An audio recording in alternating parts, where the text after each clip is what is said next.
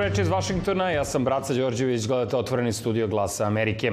Zapadne zemlje optužile su Rusiju da planira da iskoristi pretnju bombom sa nuklearnim materijalom kao izgovor za eskalaciju u Ukrajini. Ruski ministar odbrane Sergej Šojgu telefonom je razgovarao sa zapadnim kolegama i upozorio ih da Kijev planira da iskoristi takozvanu prljavu bombu.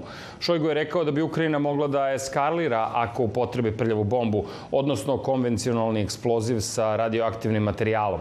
Ukrajinski ministar spolnih poslova Dmitro Kuleba odbacio je optužbe kao absurdne i opasne. U zajedničkom saopštenju posle razgovora sa Šojguom, Britanija, Francuska i Sjedinjene države navele su da će i koliko god je potrebno podržavati Ukrajinu i odbacile rusko upozorenje o prljavoj bombi. Predsednik Ukrajine Volodimir Zelenski rekao je da su ruske optužbe znak da Moskva zapravo planira da izvede takav napad i da za to okrivi Ukrajinu. Bivši ministar financija Rishi Sunak proglašen je liderom Britanske konzervativne partije od strane odbora konzervativnih poslanika, što znači da je na putu da postane novi premijer Velike Britanije. Sunak će imati težak zadatak da pomiri duboko podeljenu zemlju u trenutku ekonomskih problema i siromašenja građana. On je inače jedan od najbogatijih političara u Westminsteru. Očekuje se da će kralj Charles III od njega zatražiti da formira vladu posle ostavke Liz Truss, koja je na poziciji premijerke bila samo 44 dana. Truss je podnela ostavku posle neuspele promene poreske politike koja je izazvala previranje na tržištu i poljuljila njen autoritet u stranci. Na njeno upražnjeno mesto pretendovali su osim Sunaka i bivši premijer Boris Johnson i predsedavajuća donjeg doma parlamenta Penny Mordant.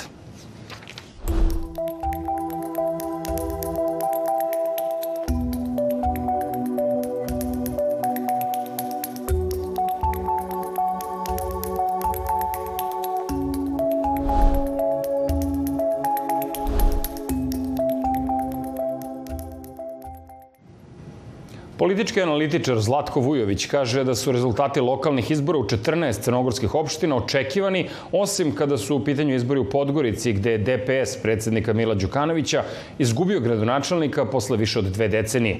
Najveći dobitnik je, kaže Vujović za glas Amerike, pokret Evropa Sad, koji predvode Jakov Milatović i Milojko Spajić, bivši ministri u vladi Zdravka Krivokapića, koje je izglasano nepoverenje u februaru 2022.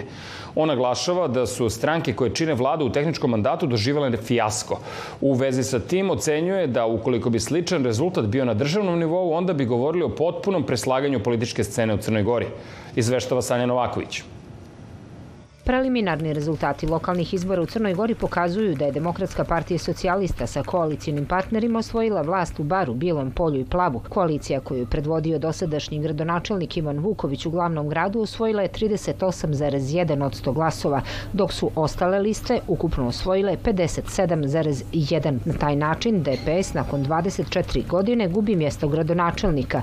Takav rezultat partije predsjednika Mila Đukanovića Vujović vidi kao veliki podbačaj. Na drugoj strani najviše razloga za zadovoljstvo ima, kaže, pokret Evropa Sad, koji predvode bivši ministri u vladi Zdravka Krivokapića, Jako Milatović i Milojko Spajić, a koji je u Podgorici osvojio preko 20 od 100 glasova. Da u jednoj takvoj situaciji partije e, koje su 30. avgusta dobile, one će imati značajno manje Znači oni će vjerovatno pasti na 35 s time da imamo novu snagu koja je ponovo proistekla iz vlade koja je bila rezultat promjena 2020. godine, ali koja u nekim stvarima pravi distancu na one partije koje su recimo da okupljeno kod demokratskog fronta demokrata. Vujović kaže da je Evropa sad izuzetno bliska Srpskoj pravoslavnoj crkvi, što je, kako smatra, može staviti u prosrpski blok.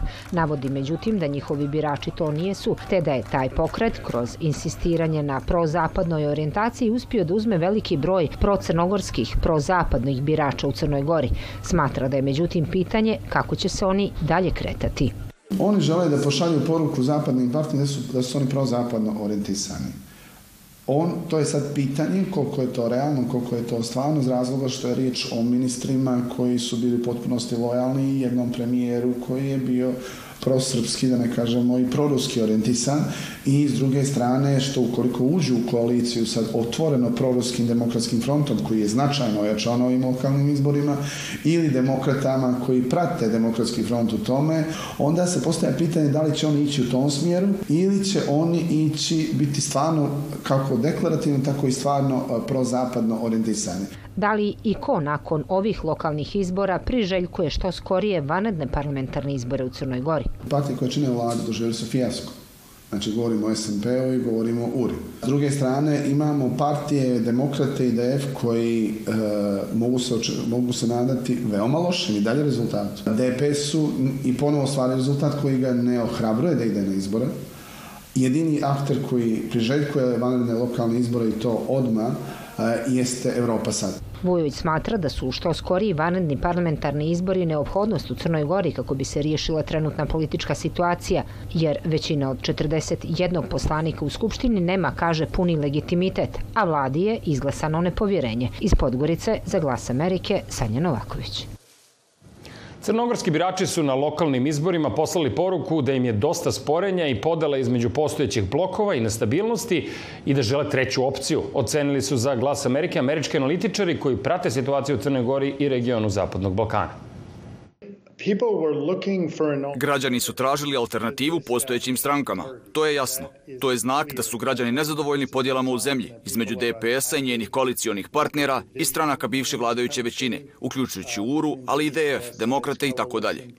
Ukupno, Crnogorci veoma podržavaju članstvo u Europskoj uniji, što pokazuju i naša istraživanja javnog mnjenja. Prema anketi koju smo ranije ove godine uradili, većina, 55%, takođe podržava članstvo Crne Gore u NATO. Zbog toga mislim da ovo možda pokazuje dvije stvari. Da su građani željeli alternativu i da nastavljaju da podržavaju zapadni kurs Crne Gore. Ovo je znak i da građani nisu bili zadovoljni time što je DPS oborio prethodnu vladu, jer žele stabilnost i da dvije strane razgovaraju. Gledajući u budućnost, mislim da se sada povećala vjerovatnoća održavanja prijevremenih izbora. Neki govore o izborima u januaru. Nisam siguran u to, ali se povećava pritisak da se održe novi izbori. Biračima je dosta sporenja, konflikta i nestabilnog i ekstravagantnog liderstva koje obećava da će se usredsrediti na stabilnost i jedinstvo i članstvo u Europskoj uniji, a umjesto toga djeluje na veoma provokativne načine. Birači žele stabilno liderstvo koje će se boriti protiv korupcije, ali ne na ispolitizirani način. Zemlji su očigledno potrebni nacionalni izbori da bi se razjasnila politička situacija i biračima prepustilo da odluče. Sjedinjene države i Evropska unija imaju ključnu ulogu. Očigledno je da ne mogu da diktiraju što će se dogoditi i da kažu strankama šta da rade, ali bi trebalo da stave do znanja koje standarde očekuju, da postoji prilika i put i šta bi trebalo uraditi da se to iskoristi. I da podrže lidere koji su usredsređeni na pitanja kao što je vladavina prava, ne zarad političke koristi, već koji zaista imaju rezultate. Dva ministarstva više, neki stari i neki novi ljudi, još jednom predvođeni istom premijerkom. To bi u najkrećem bilo ono što može da se kaže o budućoj vladi Srbije, o kojoj još treba da se izjasni i Skupština Srbije. U vladi više neće biti ministarke Zorane Mihajlović i tim povodom jedno od pitanja koje se nameće je buduća spoljno-politička orijentacija nove vlade. Više u prilogu Rade Tarankovića. Šest i po meseci nakon izbora, Srbija je konačno saznala sastav buduće vlade, koja će koliko sutra biti izabrana u parlamentu. Predsednik SNS-a Aleksandar Vučić je juče obavestio glavni odbor stranke o novim imenima u vladi, a upoređivanje odlazeće i nastupajuće vlade pokazuje da je praktično reč o istom špilu karata koji je malo promešan, da je vlada manje više partijska i da tek po neko ime ima, kako u razgovoru za glas Amerike kaže kaže profesor FPN-a Dušan Spasojević, ekspertski pedigre.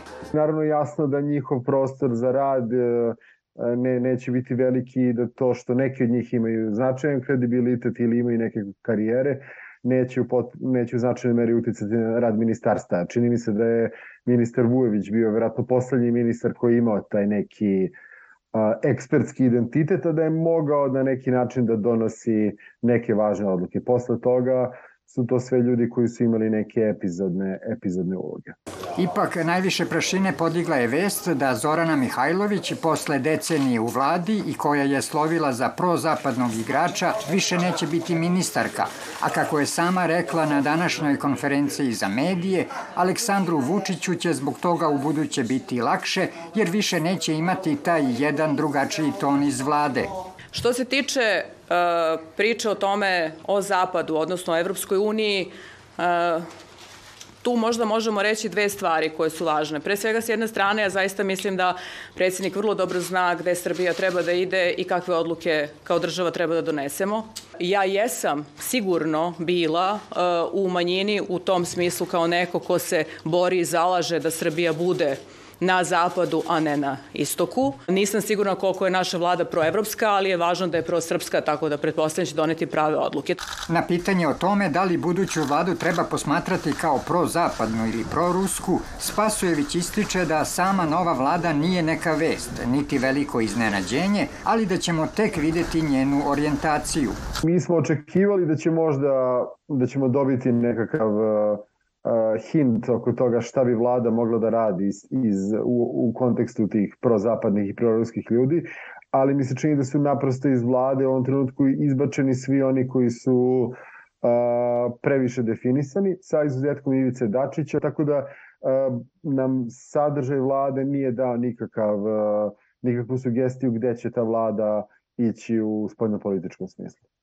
S obzirom da nijedna vlada tokom dosadašnje desetogodišnje vladavine SNS-a nije izdržala pun mandat, otvoreno je pitanje koliko će novi kabinet premijerke Ane Brnabić izdržati. Možda jednu do dve zime, kako je svojevremeno izjavio sam lider naprednjaka Aleksandar Vučić. Za glas Amerike iz Beograda Rade Ranković. Dobra je prilika da se napreduje u dijalogu Beograda i Prištine, rekla je izvestilac Evropskog parlamenta za Kosovo Viola von Kramon danas u Prištini. Kramonova istakla i da je Kosovo ispunilo sve kriterijume za liberalizaciju viznog režima. Izveštava Budimir Nečić.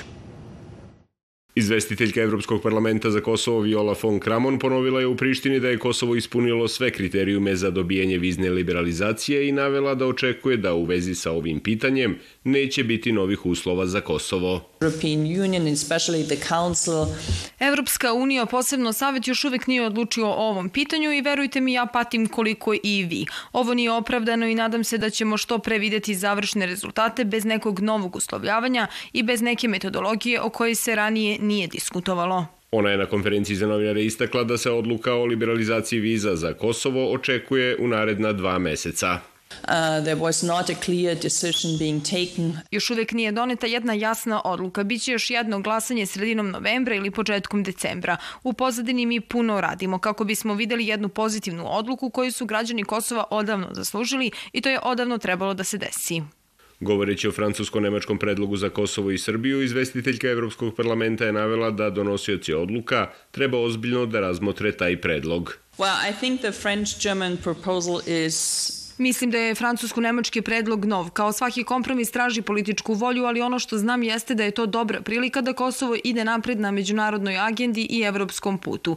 Videćete da će se sa nacionalnog i evropskog nivoa Kosovo suočiti sa novom fazom priznavanja i mislim da je to dobra mogućnost. Nije 100% kao što nije ni jedan kompromis, ali je daleko više nego što bi pre par meseci očekivala. Von Kramonova je odgovarajući na pitanje novinara rekla da postoje brojni argumenti za produženje roka za preregistraciju automobila sa srpskim oznakama koji ističe 31. oktobra, ali da razume i stav kosovske vlade. Well, in the end, this will be extend forever. At some point we have to make a... Treba da nam bude jasno da u jednom trenutku treba implementirati ono o čemu smo se dogovorili pre 10-12 godina. Niko nije zainteresovan za bilo kakav vid provokacije i agresije. Lajčak i Eskobar traže odlaganje i mislim da bi ono ublažilo stanje stvari, ali razumem i vladu Kosova. Viola von Kramon je proteklog vikenda učestvovala na Međunarodnom forumu za žene, mir i bezbednost koji je u Prištini organizovan na inicijativu predsednice Kosova Vjose Osmani. Zaglas Amerike iz Prištine, Budimir Ničić. Poštovani gledalci, na kraju emisije želimo i da vas obavestimo da će poslednje izdanje Otvorenog studija biti emitovano u petak 28. oktobra. Hvala vam što ste bili s nama svih ovih godina. Naše i priloge naših dopisnika iz Srbije, Crne Gore i sa Kosova i dalje možete da gledate i čitate na našoj internet stranici glasamerike.net i na društvenim mrežama Facebook, Twitter, Instagram i YouTube. Toliko za večeras. Ja sam Braca Đorđević, želim vam prijetno veče i laku noć iz Vašingtona.